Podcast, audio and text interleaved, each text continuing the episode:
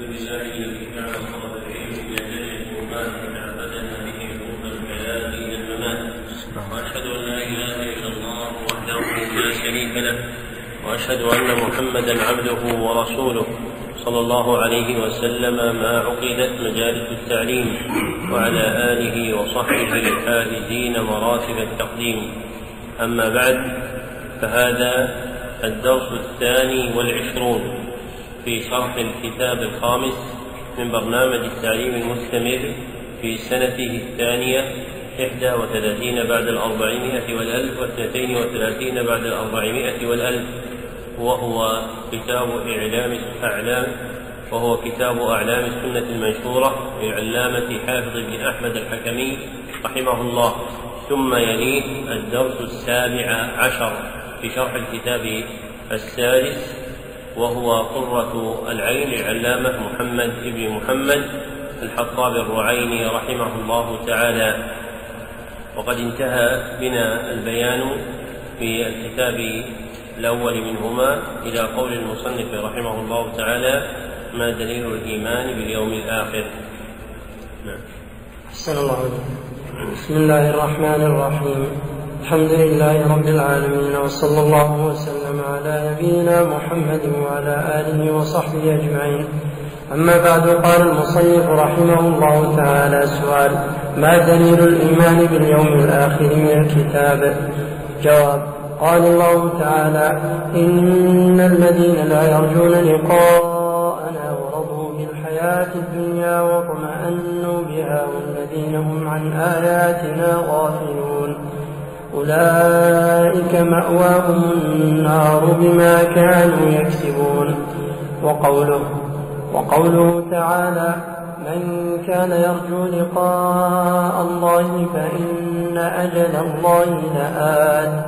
وقال تعالى إنما توعدون لصادق وإن الدين لواقع. وقال تعالى إن الساعة لآتية لا ريب فيها إلى غير ذلك من الآيات. ثم فرغ المصنف رحمه الله تعالى من المباحث المتعلقة بالركن الرابع من أركان الإيمان وهو الإيمان بالرسل أتبعه رحمه الله تعالى بذكر جملة من المباحث المتعلقة بالركن الخامس من أركان الإيمان وهو الإيمان باليوم الآخر. واستفتح رحمه الله تعالى تلك المباحث بالسؤال عن دليله وكان حقيقا به أن يقدم سؤالا يبين فيه حقيقة اليوم الآخر. فإن الإيمان بالشيء مرتب على معرفة حقيقته. وهذا معنى قول الفقهاء والأصوليين الحكم على الشيء فرع عن تصوره.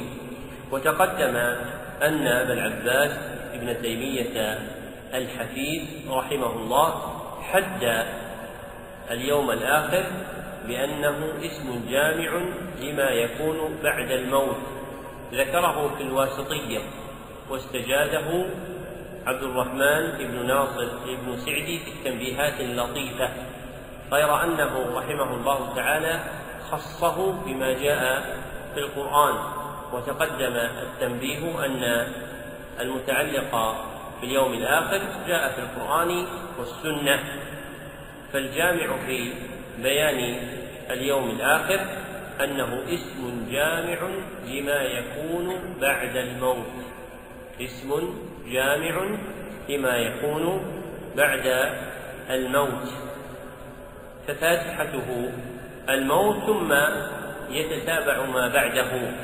في حق كل أحد بحسبه وفي حق الخلق جميعا إذا كتب الله عز وجل عليهم الموت. فلم يبقى أحد إلا ذاقه فحينئذ يستتم الخلق بقية أحكام اليوم الآخر. يعلم هذا من تفاصيل جمله المذكورة في الكتاب والسنة وفي هذا الكتاب طرف منها. وحينئذ حسن بعد معرفة حقيقته أن يسأل عن أدلة الإيمان به. وقد أورد المصنف رحمه الله تعالى سؤالا عن دليل الإيمان باليوم الآخر من الكتاب يعني من القرآن الكريم. ولم يذكر رحمه الله تعالى دليله من السنة النبوية. غير أنه بسط مباحث اليوم الآخر في كتاب معالج القبول بالإكثار من النقل عن السنة فيما عز نظيره. فإن كتاب معالج القبول من خصائصه أنه مليء بذكر الأحاديث النبوية في مسائل العقيدة. ولا سيما في أبواب اليوم الآخر. وسيأتي في موضع من هذا الكتاب أنه رحمه الله تعالى أحال على معارج القبول في مسألة فقال فيها وقد سقنا منها نحو ستين حديثا من طرق ثابتة عن جماعة من الصحابة يرفعونها في شرحنا على السلم. وسيأتي هذا الموضع. فشرح السلم المسمى بمعارج القبول مليء بأدلة السنة. ومن أراد أن يتمم مباحث هذا الكتاب فلينظر في كتاب معارج القبول للمصنف رحمه الله تعالى. فقد أجاب رحمه الله عن سؤاله بذكر أربع آيات فيها التصريح باليوم الآخر تارة بكونه موعدا للقاء الله. كما قال تعالى إن الذين لا يرجون لقاءنا وقوله من كان يرجو لقاء الله وتارة بالإخبار عن ترتب الجزاء وتحققه وصدق الوعد فيه. كما قال تعالى إنما توعدون لصادق وإن الدين لواقع. وتارة بالإنباء عن حينه بذكر أحد أسمائه وهو الساعة. كما قال تعالى إن الساعة آتية لا ريب فيها أي مقطوع بمقدمها لا يخالج النفوس اضطراب ولا قلق في ورودها. والآيات القرآنية في اليوم الآخر كثيرة جدا لأن كثيرا من العرب كانوا لا يعتقدون الجزاء بالثواب أو العقاب ويرون أن منتهى أمرهم هي هذه الحياة الدنيا. فعامتهم دهريون وإن كان المصرح بهم بمذهب الدهرية قليل. لكن حقيقة تصرفهم في أعمالهم أنهم لا يرجون حسابا بثواب أو عقاب. فلإقامة هذا الأصل وتشييده وكون الجزاء على الأعمال مؤخر إليه عظم ذكره في القرآن الكريم. فأكثر سور القرآن الكريم تتضمن ذكر اليوم الآخر إما تصريحا أو تلميحا. ولجلالته قرن بالإيمان بالله في مواضع كثيرة من القرآن الكريم. فيذكر الإيمان بالله ويذكر معه الإيمان في اليوم الآخر لجلالة هذا الركن وكونه وقتا للحساب حينئذ. نعم. صلى الله عليه سؤال ما معنى الإيمان باليوم الآخر وما الذي يدخل فيه؟ جواب معناه التصديق الجازم بإتيانه لا محالة. والعمل بموجب ذلك ويدخل في ذلك الإيمان بأشراط الساعة وآماراتها التي تكون قبلها لا محالة. وبالموت وما بعده من فتنة القبر وعذابه ونعيمه وبالنفخ في الصور وخروج الخلائق من القبور وما في موقف القيامة من الأهوال والأفزاع وتفاصيل المحشر ونشر الصحف ووضع الموازين. وبالصراط والحوض والشفاعة وغيرها وبالجنة ونعيمها الذي أعلاه النظر إلى وجه الله عز وجل وبالنار وعذابها الذي أشده الذي أشده حجبهم عن ربهم عز وجل. ذكر المصنف رحمه الله سؤالا آخر يتعلق بالإيمان باليوم الآخر وهو السؤال عن معناه وما يدخل فيه ولا يريد به الحقيقة التي ذكرناها فإن الحقيقة التي ذكرناها هي حقيقة اليوم الآخر. وأما مضمن هذا السؤال فهو حقيقة الإيمان باليوم الآخر. فثم شيئان أحدهما حقيقة اليوم الآخر ومعناه وهو ما تقدم والآخر حقيقة الإيمان باليوم الآخر ومعناه وهو المذكور في هذا السؤال. ثم أجاب عنه رحمه الله تعالى جوابا سرد فيه نبذة من تفاصيله. لا تفيه بما ينبغي اعتقاده فيه. وتقدم أن القدر الواجب المجزئ من الإيمان باليوم الآخر الذي يتضمن حقيقته هو الإيمان بالبعث في يوم عظيم. هو الإيمان بالبعث في يوم عظيم. هو يوم القيامة. لمجازاة الناس فمن أحسن فله الحسنى.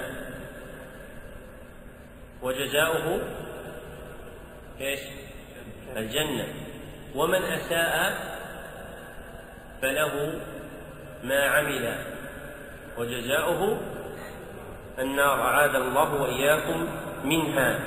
فهذه الجملة ينتظم فيها ما ينبغي. اعتقاده اليوم الآخر وهو المراد بمعنى الإيمان به. نعم. وقوله رحمه الله الأفزاع جمع فزع وهو الأمر المخوف. نعم.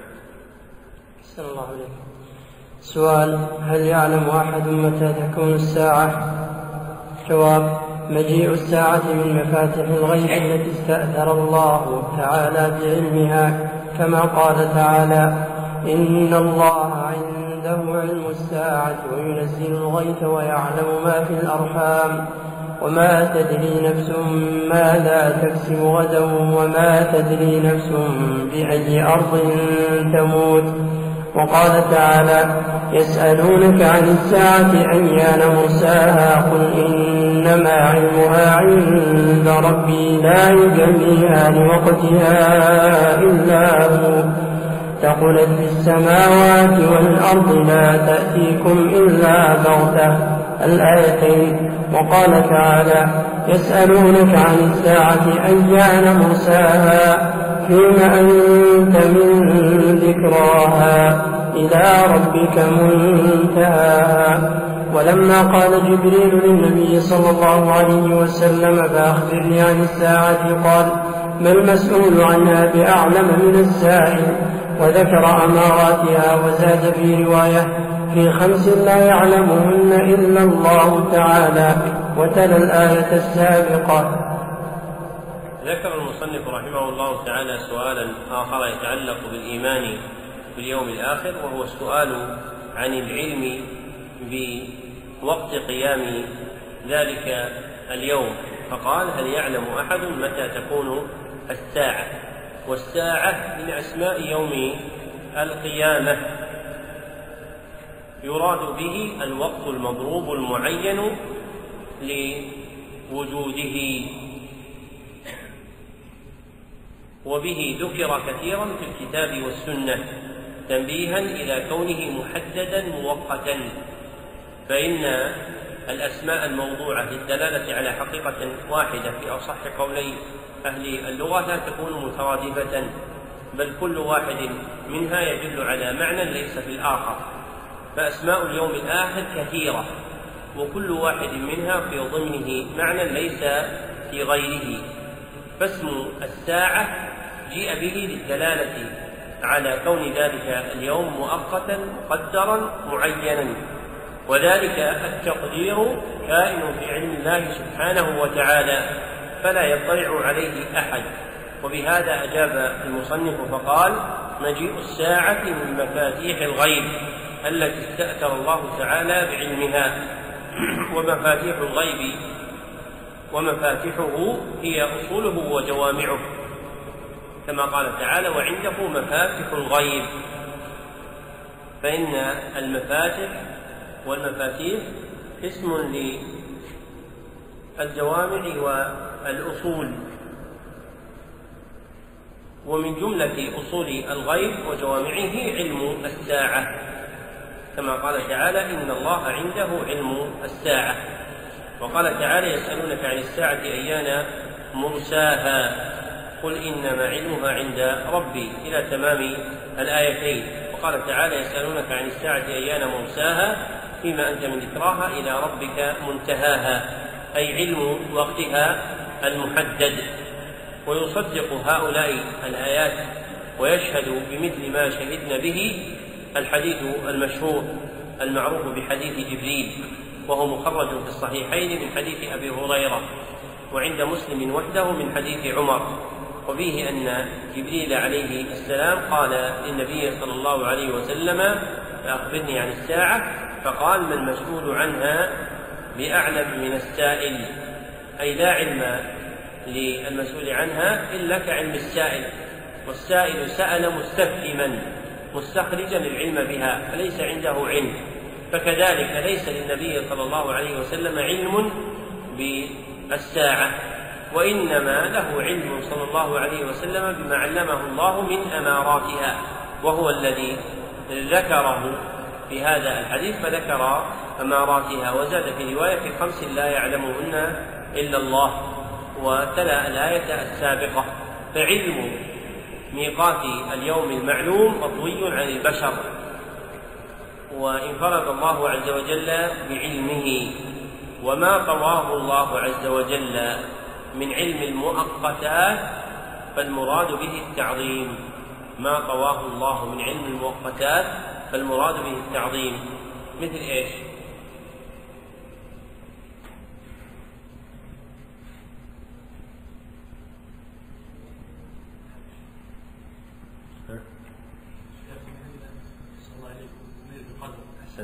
ليلة القدر. هذه من علم المؤقتات. ومثل؟ ومثل الموت بحسب كل أحد نحن المؤقتات في الشريعة يعني لها عظيم في الشريعة. ساعة الجمعة ساعة الإجابة في الجمعة. وأيضا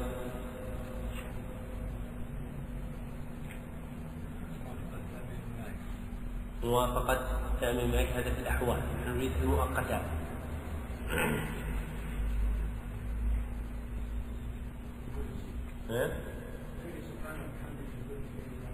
في ثلث الليل الآخر. معلوم الليل الآخر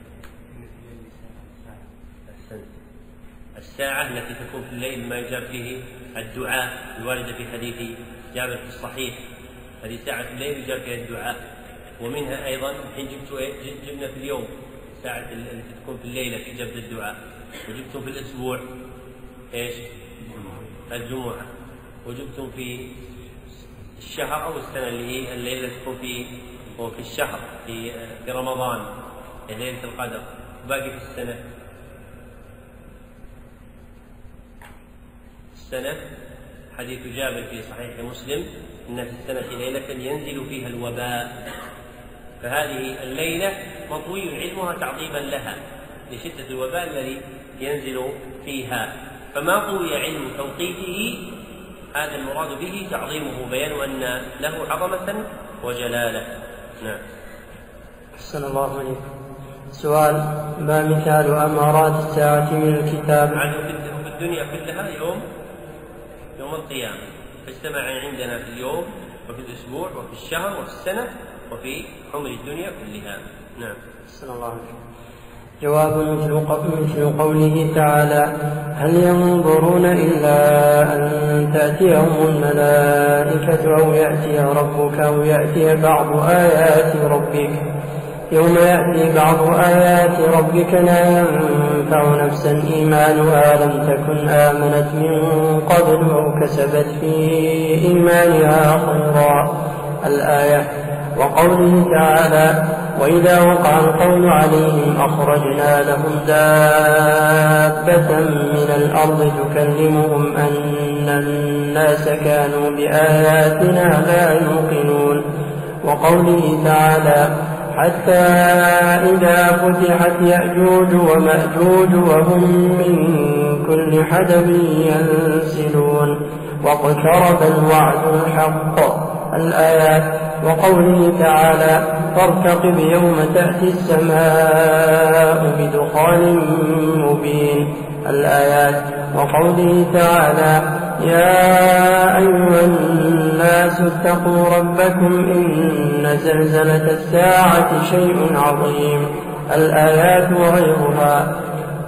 لما قرر المصنف رحمه الله تعالى أن الساعة لا سبيل إلى الاطلاع على وقتها المؤقت وإنما يبين بأماراتها. ذكر هنا سؤالا يتعلق بتلك الأمارات فقال ما مثال أمارات الساعة من الكتاب؟ والأمارات جمع أمارة وهي العلامة العظيمة. وأمارات الساعة علاماتها وهي أنواع متعددة على درجات مختلفة. وجاء ذكرها في القرآن والسنة. فمما جاء في القرآن الكريم منها إتيان الله سبحانه وتعالى يوم القيامة وإتيان الملائكة تقدمة بين يدي مجيئه وإتيانه سبحانه وتعالى. فإن السماء تشقق والملائكة تنزل تقدمة لنزوله سبحانه وتعالى. ومنها دابة الأرض التي تخرج لهم التي تخرج للناس من الأرض وتكلمهم. وهذه الدابة لم يصح في وصفها إلا ما جاء في القرآن الكريم. ورويت أحاديث فيها جمل من أوصافها لا يثبت منها شيء. والمستفاد من ما جاء في القرآن وصحيح السنة أن هذه الدابة توصف بوصفين. الأول أنها تخرج من الأرض.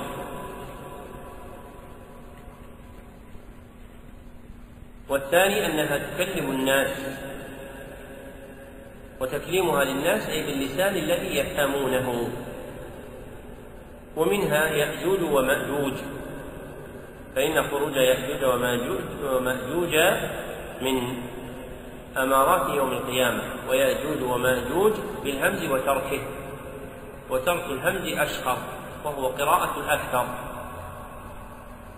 وهما صنفان من ذرية آدم عليه الصلاة والسلام وأكثر القصاص.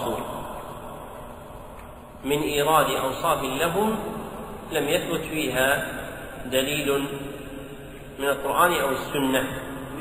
ومن جملة أمارات يوم القيامة المذكورة في القرآن الدخان المبين يعني البين لعظمته فهو واضح جلي كما قال تعالى فارتقب يوم تأتي السماء بدخان مبين. وهذا الدخان نوعان أحدهما ما يكون بين يدي الساعة وفيه صحيح وفيه حديث ابن مسعود في صحيح مسلم. والثاني دخان جهنم قترها المتصاعد إذا وفد عليها أهلها إذا ورد عليها أهلها حطمهم وركبهم. وهو المذكور في سياق الآية. وهو المذكور في سياق الآيات. فإنها سيقت في مقام الوعيد بالعذاب. والوعيد بالعذاب يكون في جهنم أعاذنا الله وإياكم منها. فالذي يظهر من دلالة القرآن والسنة أن الدخان يقع على هذين المعنيين. وذهب العلامة ابن سعدي مذهبا واسعا في كتاب تيسير الكريم الرحمن وفي فتح الرحيم الملك العلام وصرح به في الأول منهما إلى أن الدخان اسم يشمل كل دخان معظم يكون عند الناس. وأورد في في ما يندرج في ذلك الأسئلة الكثيفة التي صارت تتصاعد من الأسلحة الفتاكة التي اطلع الناس على علمها فصنعوها واستعملوها. وجعل من ذلك الدخان الذي كان يراه المشركون لما أصابهم الجهل والجوع لما دعا عليه النبي صلى الله عليه وسلم والحديث في الصحيح. والأظهر أن المذكور في القرآن يناسبه ما تقدم من معنيين. ثم ختم رحمه الله تعالى بذكر أمارة من أمارات يوم القيامة وهي الزلزلة. وهذه الزلزلة المذكورة في هذه الآية أفردت بسورة كاملة وهي سورة الزلزلة. إذا زلزلت الأرض زلزالها. وتلك الآية في فاتحتها مفسرة مفسرة لزلزلة الساعة. فزلزلة الساعة هي زلزلة الأرض جميعا. أما زلزلة بعض أجزائها فليست من زلزلة الساعة. فالزلزلة التي تكون في ناحية من نواحي الأرض لا تتعلق بهذه الأمارة وإنما الذي يتعلق بهذه الأمارة زلزلة الأرض جميعا. فإذا زلزلت الأرض جميعا فتلك أمارة الساعة. نعم. أحسن الله سؤال ما مثال أمارات الساعة من السنة؟ جواب مثل أحاديث طلوع الشمس من مغربها وأحاديث الدابة وأحاديث الفتن كالدجال والملاحم وأحاديث نزول عيسى وخروج يأجوج ومأجوج. وأحاديث الدخان وأحاديث الريح التي تقبض كل نفس مؤمنة وأحاديث النار التي تظهر وأحاديث وأحاديث الخسوف وغيرها. لما ذكر المصنف رحمه الله تعالى أمارات الساعة من الكتاب أورد سؤالا تابعا ما قبله فقال ما مثال أمارات الساعة من السنة؟ لما تقدم من اقتران الكتاب والسنة في الدلالة على حقائق الشريعة. ثم أجاب عنه بذكر جملة من الأمارات التي جاءت في السنة للساعة مثل أحاديث طلوع الشمس من مغربها. فإن الشمس في العادة الجارية تطلع من المشرق وصحت أخبار في طلوع الشمس من المغرب علامة ليوم القيامة وأحاديث الدابة. وتقدم أن الأحاديث الصحيحة لا تزيد في وصف الدابة عما جاء قبلها. وقد أكثر الناس في بيان حقيقتها فعددوا أقوالا لا طائل تحتها. فليس مع أحد ممن ذكر مقالة من تلك الأقوال كمن قال إنها فصيل ناقة صالح أو قال إنها الجساسة. ليس معه دليل صحيح على تعيين الدابة بهذا الوصف وأبذلهم مقالة من زعم من المتأخرين ممن فسد علمه وضعف إيمانه. كما وصفه أحمد شاكر من زعم أنها الجراثيم التي صارت تصيب الناس مما اطلع الناس على علمه وصاروا يعرفون أنها آفة لكثير من الأمراض القاتلة. وهذا قول من أفسد الأقوال المنقولة فيها. لأن اسم الدابة لا يصدق عليها واسم الدابة معروف في اللسان والعرف. ومن ذلك أحاديث الفتن التي تعرض للناس كالدجال. والمراد بالدجال المسيح الدجال. فإن الدجال إذا أطلق صارت ألفه عهدية والدجاجلة كثيرون. لكن إمامهم هو المسيح الدجال الذي رويت فيه أحاديث كثيرة عن النبي صلى الله عليه وسلم. ومن لطائف العلم ما ذكره أبو العباس بن تيمية في منهاج السنة النبوية وتبعه ابن سعد في مجموع الفوائد أن الناس أمروا بالاستعاذة من المسيح الدجال في كل صلاة التعوذات الأربع مع طول المدة في عدم خروجه. فذكر من منافع التعوذ من المسيح الدجال قبل خروجه أن في التعوذ منه تحصن من الدجاجلة الصغار فإن خروج الدجاجلة الصغار في الأمة هو توطئة لخروج الدجال الأكبر. فالمستعيذ بالله عز وجل من الدجال في صلاته مستعيذ بكل دجال دونه فإن استعاذتك بالله واقيتك من الدجال الأكبر وهي أحرى أن تكون واقية لك من كل دجال دونه. ومن ذلك أحاديث الملاحم وهي ما يجري من أمور المقتلة والحرب بين المسلمين وغيرهم. ومنها أحاديث نزول نزول عيسى ابن مريم عليه الصلاة والسلام. ومنها أحاديث خروج يأجوج ومأجوج. ومنها أحاديث الدخان. على المعنيين اللذين تقدما ومنها أحاديث الريح التي تقبض كل نفس مؤمنة ومنها أحاديث النار التي تظهر والنار التي تظهر وهي علامة من علامات يوم القيامة ناران. إحداهما نار تخرج من أرض الحجاز تضيء لها أعناق الإبل من أرض بصرى.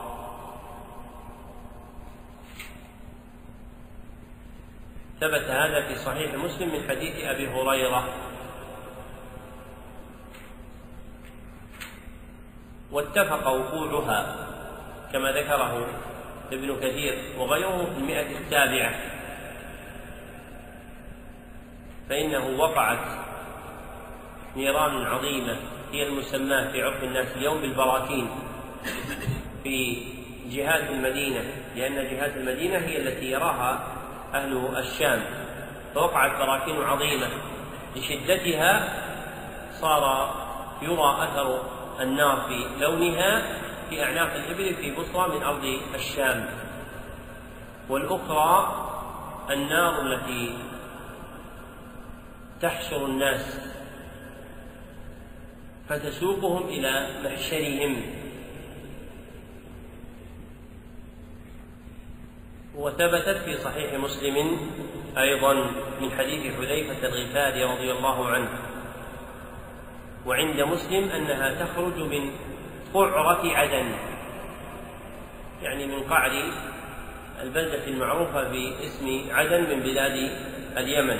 ثم تسوق الناس إلى أرض المحشر وهي أرض الشام. ومنها أيضا أحاديث الخسوف أي الذي يكون في آخر الزمان وهو في صحيح مسلم أن الساعة لا تقوم حتى تكون ثلاثة خسوف خسف بالمشرق وخسف بالمغرب وخسف في جزيرة العرب. والمقصود بالخسف هوي الأرض إلى السفل. نعم. أحسن الله من اللطائف تعرفون حديث وأعوذ بعظمتك أن أغتال من تحتي. قال وكيع إيش؟ يعني الخسف يعني الخسف قال وكيع يعني الخسف هذا اللي حفظه. صحيح الكلم الطيب أو الكلم الطيب يعرف الأذكار يجد أنهم يذكرون. قال وكيع يعني الخسف يعني الإنسان يصيب الغيرة من أسفله بطريق الخسف واليوم صار فيه أيضا النسف صار الغيلة من أسفل نوعان. إحداهما الخسف والآخر النسف لأن النسف لم يكن موجودا فيما سبق لأن الخسف يهوي به إلى السفل والنسف يرفعه ويقطعه في العلو كما صار في أنواع القنابل المستعملة اليوم. نعم. أحسن الله عليكم. سؤال ما الدليل ما دليل الإيمان بالموت؟ جواب قال الله تعالى قل يتوفاكم ملك الموت الذي وكل بكم ثم إلى ربكم ترجعون. وقال تعالى كل نفس ذائقة الموت وإنما توفون أجوركم يوم القيامة. وقال تعالى لنبيه صلى الله عليه وسلم إنك ميت وإنهم ميتون. وقال تعالى وما جعلنا لبشر من قبلك الخلد أفإن مت فهم الخالدون. وقال تعالى كل من عليها فان ويبقى وجه ربك ذو الجلال والإكرام. وقال تعالى كل شيء هالك إلا وجهه. وقال تعالى وتوكل على الحي الذي لا يموت. وغير ذلك من الآيات. وفيه من الأحاديث ما لا يحصى. والأمر مشاهد لا يجهله أحد وليس فيه شك ولا تردد. ولكن عناد ولكن عناد واستكبار. ولا يعمل على موجب إيمانه به وبما بعده إلا عباد الله المخلصون. ونؤمن أن كل من مات أو قتل أو قتل أو بأي سبب كان أن ذلك بأجله لم ينقص منه شيئا. قال الله تعالى كل يجري لأجل مسمى. وقال تعالى فإذا جاء أجلهم لا يستأخرون ساعة ولا يستقدمون. ذكر المصنف رحمه الله تعالى مبحثا آخر من مباحث الإيمان باليوم الآخر وهو الإيمان بالموت. فذكره بالسؤال عن دليله فقال ما دليل الإيمان بالموت؟ ثم ذكر رحمه الله تعالى آيات تدل على وقوعه وتحققه ووجوب الإيمان به. كما قال تعالى قل يتوفاكم ملك الموت وملك الموت على الصحيح واحد وإضافة الموت إلى مجموع الملائكة كما في قوله تعالى إن الذين توفاهم الملائكة أي باعتبار من يتمم أمر الميت بعد أخذ ملك الموت نفسه فإن ملك الموت إذا أخذ نفس الميت لم تدعه. ملائكة الرحمة أو العذاب في يده شيئا فأخذوها منه.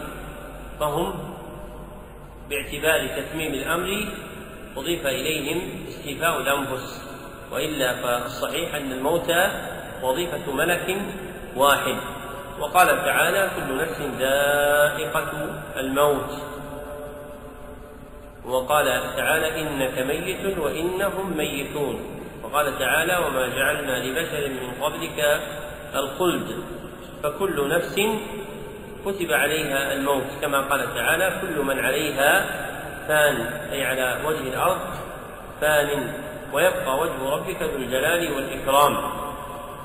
وهذه الآية ونظائرها من الأدلة التي تدل على أن الجن يموتون ولم يأتي التصريح بذلك في القرآن وإنما وقع في السنة في الصحيح في حديث ابن عباس وفيه والجن والإنس يموتون. ومن ذلك أيضا قوله تعالى كل شيء هالك إلا وجهه. والمراد بكل شيء ما كتب عليه الهلاك والمراد بالهلاك الموت.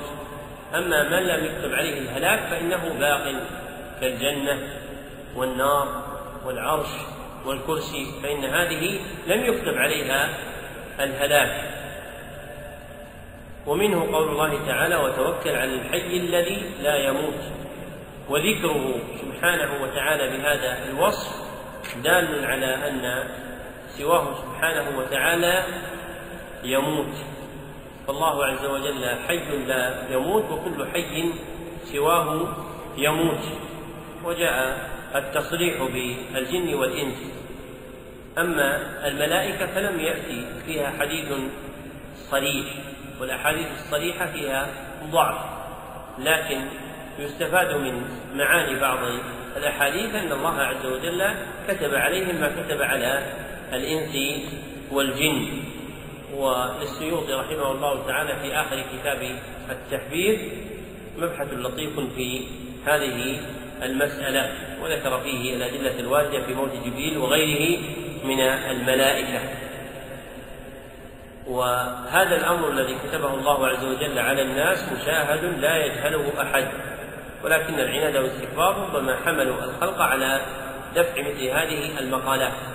ومن كمال الله عز وجل أن ما كتبه على الخلق من الموت يذبح كما ورد في الصحيح أن النبي صلى الله عليه وسلم قال إيش يؤتى بالموت على هيئة كبش إيش؟ بين الجنة والنار فيذبح تستفيدون من هذا الحديث؟ فوائد كثيرة لكن منها ذبح الموت ولا تقولوا موت الموت لأن النص كيف جاء؟ ذبح والثاني أن المذبوح ملك الموت ولا الموت؟ الموت ولذلك من الغلط من قال من بعض المتأخرين من المنسوبين لأهل السنة أن ملك الموت يذبح وهذا قول بعض المعتزلة والفلاسفة وقول شاذ كما حكاه ابن القيم رحمه الله تعالى. فالذي يذبح هو الموت. يمثل في هذه الصورة ثم يذبح إظهارا لكمال حياة الله عز وجل وقيوميته وقدرته وسلطانه. ثم ذكر المصنف من المسائل المتعلقة بالإيمان بالموت أن أهل السنة يؤمنون أن كل من مات أو قتل وهذه أو بأي سبب في النفس منها شيء لعلها أو قتل بأي سبب. أحد عنده نسخة أخرى؟ أو قتل بأي سبب. كان أن ذلك بأجله. لم ينقص منه شيئا. فإذا قتل الإنسان في حادث سيارة أو طيارة أو عدا عليه صائل من إنسان أو وحش فقتله فقد استكمل أجله. كما قال تعالى كل يجري لأجل مسمى. قال فإذا جاء أجلهم لا يستأخرون ساعة ولا يستقدمون. فمن مات بأي سبب فقد انقضى أجله ولم يقطع أجله. صح؟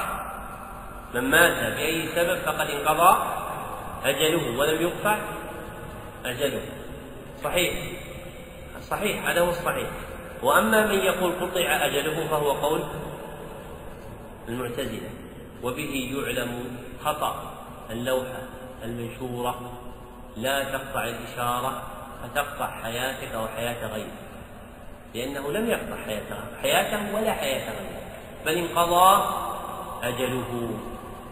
والعبارات لا بد فيها من التدقيق ومراعاة أحكام الشريعة.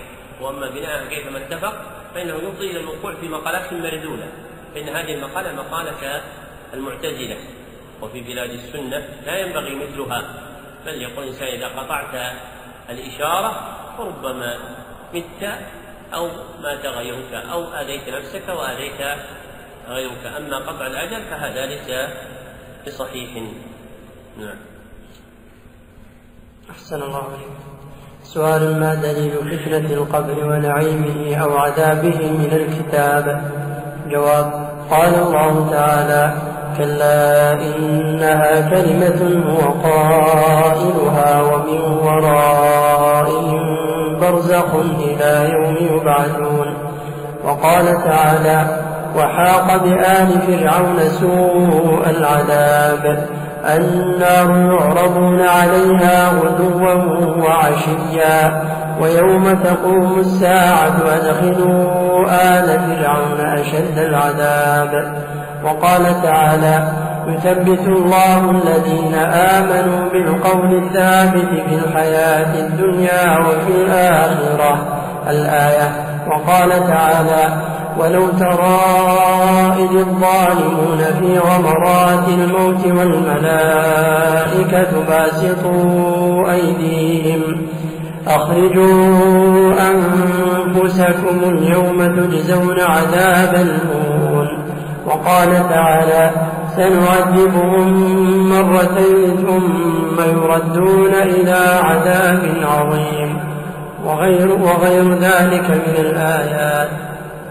لما فرغ المصنف رحمه الله تعالى من بيان ما يتعلق بالموت ذكر ما يعقبه من مباحث الإيمان باليوم الآخر وهو ما يجري عن العبد في قبره من فتنة القبر ونعيمه وعذابه من دلائله في القرآن والسنة وسأل عن أدلته من الكتاب أي القرآن. فالمتعلق بهذا المبحث مسألتان إحداهما فتنة القبر والأخرى نعيمه أو عذابه وبينهما فرق.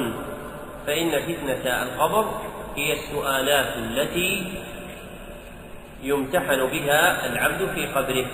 هي السؤالات التي يمتحن بها العبد في قبره.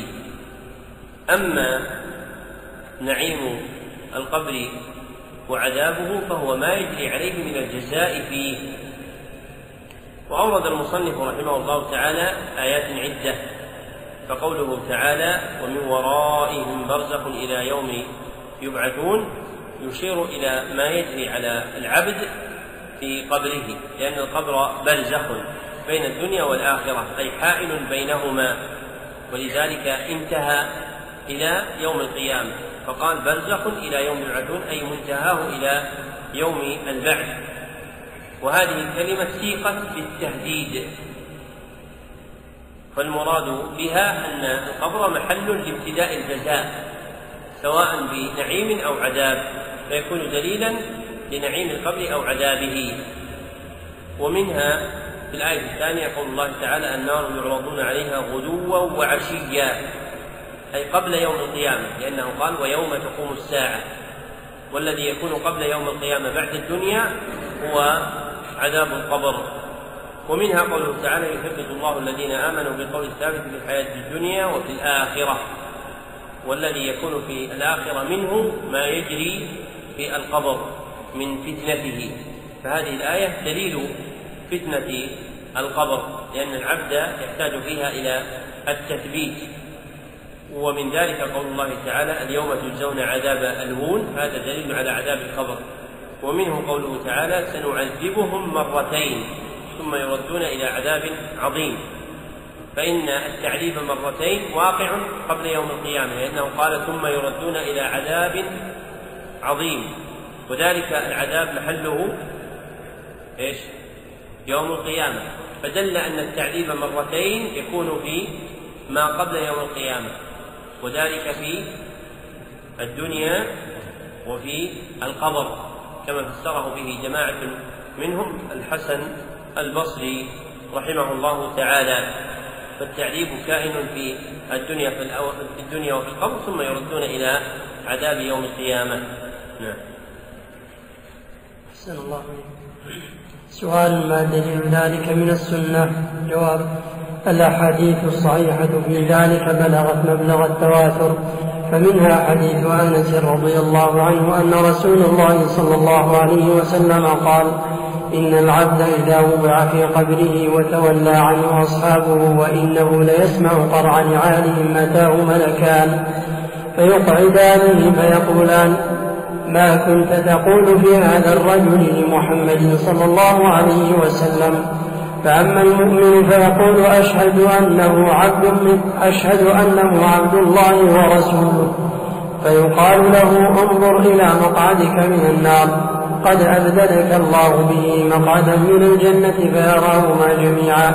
قال قتادة وذكر لنا أنه يفسح في قبره ثم رجع إلى حديث أنس قال وأما المنافق والكافر فيقال له ما كنت تقول في هذا الرجل؟ فيقول لا أدري. كنت أقول ما يقول الناس فيقال لا دريت ولا تليت ويضرب بمطارق من حديد. ضربة فيصيح صيحة يسمعها من يليه غير الثقلين. وحديث عبد الله بن عمر رضي الله عنهما أن رسول الله صلى الله عليه وسلم قال إن أحدكم إذا مات عرض عليه مقعده بالغداة والعشي إن كان من أهل الجنة فمن أهل الجنة وإن كان من أهل النار فمن أهل النار فيقال هذا مقعدك حتى يبعثك الله يوم القيامة. وحديث القبرين وفيه إنهما ليعذبان. وحديث أبي أيوب رضي الله عنه. وحديث أبي أيوب رضي الله عنه. قال خرج النبي صلى الله عليه وسلم وقد وجبت الشمس فسمع صوتا فقال يهود تعذب في قبورها. وحديث أسماء قام وحديث أسماء قام رسول الله صلى الله عليه وسلم خطيبا فذكر فتنة القبر التي يفتن بها المرء. فلما ذكر ذلك ضج المسلمون ضجة وقالت عائشة رضي الله عنها ما رأيت رسول الله صلى الله عليه وسلم بعد صلاة بعد صلى صلاة إلا تعود من عذاب القبر. وفي قصة الكسوف وأمرهم صلى الله عليه وسلم أن يتعودوا من عذاب القبر. وكل هذه الأحاديث بالصحيح وقد, وقد سقنا منها نحو ستين حديثا من طرق من طرق ثابتة عن جماعة من الصحابة يرفعونها في شرحنا على السلم. لما ذكر المصنف رحمه الله تعالى دليل فتنة القبر ونعيمه وعذابه من الكتاب أتبعه بذكر دليله من السنة موردا سؤالا. قال فيه ما دليل ذلك أي ما سلف من السنة. واستفتحه ببيان أن الأحاديث الصحيحة في ذلك بلغت مبلغ التواتر. فالأحاديث الواردة عن النبي صلى الله عليه وسلم في هذا المعنى كثيرة جدا. وفي آخر كلام المصنف الإشارة إلى أنه أورد منها نحو ستين حديثا. من طرق ثابتة عن جماعة من الصحابة وأورد جملة منها ها هنا كلها مما روي في الصحيحين فهي أحاديث صحيحة. منها حديث أنس رضي الله عنه أن رسول الله صلى الله عليه وسلم قال إن العبد إذا وضع في قبره وتولى عنه أصحابه وإنه لا يسمع قرع نعالهم أتاه ملكان فيقعدانه فيقولان ما كنت تقول في هذا الرجل؟ لمحمد صلى الله عليه وسلم إلى آخره. وهذان الملكان ثبت في حديث أبي هريرة عند الترمذي بإسناد حسن أنهما منكر ونكير. وهما يسألان العبد الأسئلة المعروفة في القبر فالحديث دليل على فتنة القبر. ثم ما يكون فيه من الجزاء دليل على نعيم القبر وعذابه. ثم أتبعه بحديث عبد الله بن عمر رضي الله عنهما وفيه إن أحدكم إذا مات عرض عليه مقعده بالغداة والعشي إن كان من أهل الجنة فمن أهل الجنة وإن كان من أهل النار فمن أهل النار. فيقال هذا مقعدك حتى يبعثك الله يوم القيامة. وعرض المقعد عليه إشارة إلى أنه يأتيه من أثره من فسحته وروحه وريحانه إن كان نعيما ومن تضييقه وعذابه إن كان تعذيبا. كما ثبت هذا المعنى في غير هذا الحديث ومنها حديث القبرين يعني في قصة القبرين اللذين مر عليهما النبي صلى الله عليه وسلم فقال إنهما لا يعذبان وما يعذبان في كبير. إلى تمام الحديث المخرج في الصحيحين عن ابن عباس رضي الله عنهما ومنها حديث أبي أيوب وفيه أن النبي صلى الله عليه وسلم سمع صوتا فقال يهود تعذب في قبورها. ومنها حديث أسماء قام رسول الله صلى الله عليه وسلم فذكر فتنة القبر. وفيه حديث عائشة. أيضا ما رأيت رسول الله صلى الله عليه وسلم بعد صلى صلاة إلا تعود من عذاب القبر. وفي قصة الكسوف وأمره صلى الله عليه وسلم أن يتعودوا من عذاب القبر. وكل هذه الأحاديث في الصحيح. وقد استوفى المصنف بقيتها في كتابه شرح السلم وهو معارج القبول. وفي حديث أبي أيوب إشكال وهو أنه قال خرج النبي صلى الله عليه وسلم وقد وجبت الشمس فسمع صوتا فقال يهود تعذب في قبورها. وفي حديث أنس فيصيح صيحة يسمعها من يليه غير الثقلين ففي الحديث الأول وهو حديث أنس أنه يسمعها كل أحد غير الثقلين وفي حديث أبي أيوب أن النبي صلى الله عليه وسلم سمع صوتا فقال يهود تعذب في قبورها فما الجواب؟ بين ولا لا؟ الرسول صلى الله عليه وسلم مستثنى من هذا خص الرسول صلى الله عليه وسلم قول خصها الله عز وجل ان اراها الجنه ومن فيها من النعيم هذا وجه الأول في الجواب قيل إن هذا وقع للنبي صلى الله عليه وسلم آية من آيات نبوته. كما اطلع على الجنة والنار فإن غيره لم يطلع. والثاني الوجه الثاني. آية من أي جهة؟ أيوه. يعني قربت في الحديث قال ويضرب من قلب الحديث ضربة فيصيح صيحة يسمعها من يده صيحته من ألم العذاب. فهذا هو الذي لا يسمع الذي لا يسمع العذاب. والذي وقع في حديث أبي أيوب ليس سماع العذاب وإنما سماع صوته أثر من آثار أثر من آثار. مثلا أضرب لكم مثال قد تقع زلزلة في مكان بعيد. ولكنك لا تسمع صوتها وإنما ترى أثر نار أو نحو ذلك. أنت الآن لم تسمع تلك الزلزلة وإنما رأيت أثر من آثار. مثلا لو أنه سمعنا حطما في خارج هذا المسجد. نحن لم نرى ذلك الانهدام ولكن سمعنا أثرا من آثاره سمعنا الأثر. فيكون المسموع غير العذاب. العذاب لا يسمع. وإنما قد يسمع أثر من آثاره. طيب وغيره ممكن يقال أن الصيحة التي لا يسمعها التي تكون نتيجة للضربة. أما الصوت فعذاب غير هذه الضربة يعني مختص الذي ليس بالضربة. يعني أن المعذب به قد يسمع لكن الم- المعذب لا يسمع. المعذب به اللي هو الضربة قد يسمع لكن ال- المعذب صوت المعذب لا يسمع. وفي هذا بحث طويل من أحسن من ذكر فيه آثارا وأنه قد يقع فيه كشف لبعض الناس زجرا لهم ابن القيم في كتاب الروح في صدر كلام فإنه أورد آثارا صحيحة عن جماعة من السلف من الصحابة والتابعين وأتباع التابعين ممن اطلع على شيء من عذاب القبر تثبيتا له أو زجرا له عن شيء يفعله أو غير ذلك من المقاصد الشرعية. فالأصل المستقر أن ذلك لا يدرك. الأصل المستقر أن ذلك لا يدرك. لكن ربما خرج عنه لأجل معنى إذا صح ذلك بدليله. وإلى هذا انتهى البيان لهذه الجملة. من كتابه بالله التوفيق. سبق ذكرنا من المسائل التي يتكلمون فيها في الاعتقاد مسألة إيش؟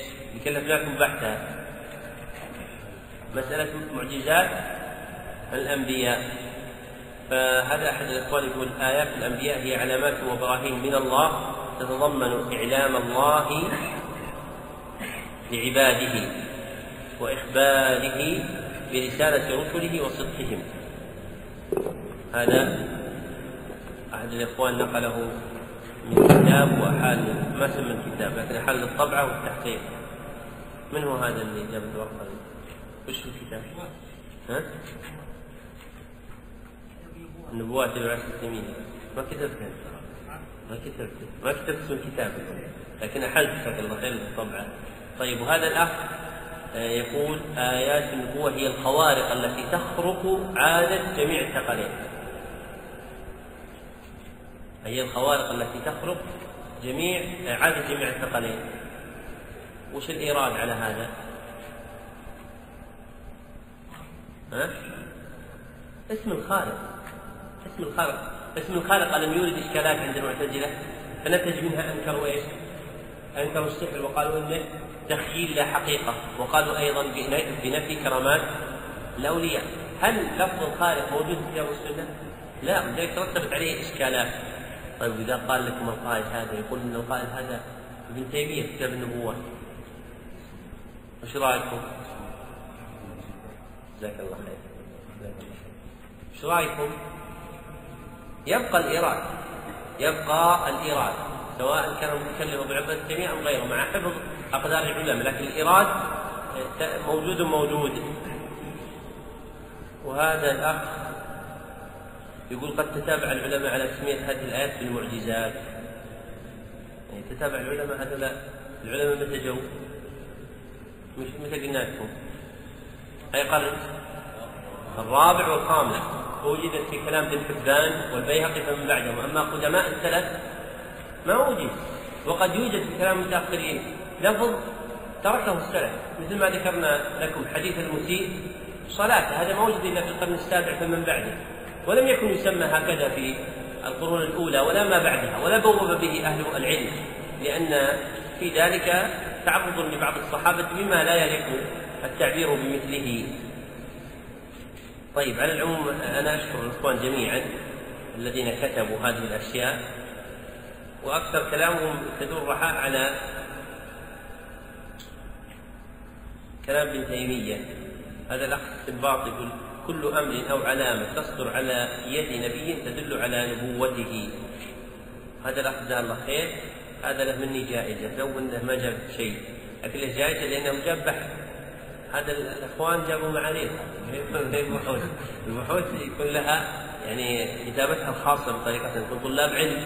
والعلم له مدارس نحن لا نكلف بمثل هذا فقط تشكيلة. وإنما نكلف لأن هذا من مراقي العلم. من الأمور التي تحصل فيها على العلم هو البحث كما قال الزبيدي في أبيات قال ثم مع المدة فابحث عنه حقق ودقق ما استمد منه. وبعد إن شاء الله أقرأ هذا في المستقبل. لكن ذكرنا لكم أن معجزات الأنبياء لفظة معدود عنها لعدم ورودها في الكتاب والسنة وإنما يعبر عنها بقول آيات الأنبياء. وحينئذ فآيات الأنبياء هي علامات تدل على صدق من ادعى النبوة هي علامات تدل هي علامات عظيمة. هي علامات عظيمة تدل على صدق من ادعى النبوة. منين جبنا كلمة علامات عظيمة؟ من الآية. لأن الآية في الوضع اللغوي إيش؟ العلامة العظيمة. ثم هي آيات للنبوة يعني تدل على صدق نبوة من ادعى تلك النبوة لأن المخبر عن نبوته ويخبر عن النبوة يعني عنده دعوة. ولم نقول المقترنة بدعوى النبوة لأن معنى اقتران فيه إجمال. وأيضا يعني أخرجناها من معنى التحدي لأنها قد تقع بدون بدون تحدي. ثم الأمر الخارق لما فيه من الإشكال وعدم وروده في الكتاب والسنة ترك فهي آيات هي علامات عظيمة تدل على صدق من ادعى النبوة وهي درجات فهي مختلفة. بعضها يكون من جنس ما يعرفه الناس وبعضها يكون مما لا يعرفه الناس. مثلا من الآيات العظيمة التي هي من جنس ما يعرفه الناس أن تكثير الطعام ببركة يد النبي صلى الله عليه وسلم. الطعام ووفرته وكثرته هذا الطعام مما يعرفه الناس لكن تكثيره بهذه الطريقة اختص بالنبي صلى الله عليه وسلم. لكن انشقاق القمر هل يعرفه الناس؟ لا لا يعرفه لا يعرفه الناس. وبهذا الحد اندفع الإشكال. وجاء في القرآن تسميتها ببينات وبراهين برهان جمعها براهين وتواطأ السلف على تسميتها بدلائل النبوة مثل دلائل النبوة للبيهقي دلائل النبوة لأبي نعيم الأصبهاني وغيرهما من أهل العلم رحمهم الله تعالى. وبالمناسبة أيضا مما ذكرناه لكم لا تذكرون السدي مر علينا أنه قال محمد بن مروان السدي. وقلنا انه غلط لأن محمد بن مروان السدي ليس هو المراد عند الإطلاق وإنما المراد إسماعيل بن عبد الرحمن. قلت أنا شكيت هل هو محمد أو إسماعيل؟ ثم رجحت أنه إسماعيل وهو إسماعيل بن عبد الرحمن السدي رحمه الله تعالى. الإنسان قد يسهو أحيانا في الكلام فإذا سهونا المفروض تذكرونا أو تنبهونا مثل المفعولات أنا قلت سبعة وهي خمسة مفعولات مثل ما مر معنا الليلة. نعم.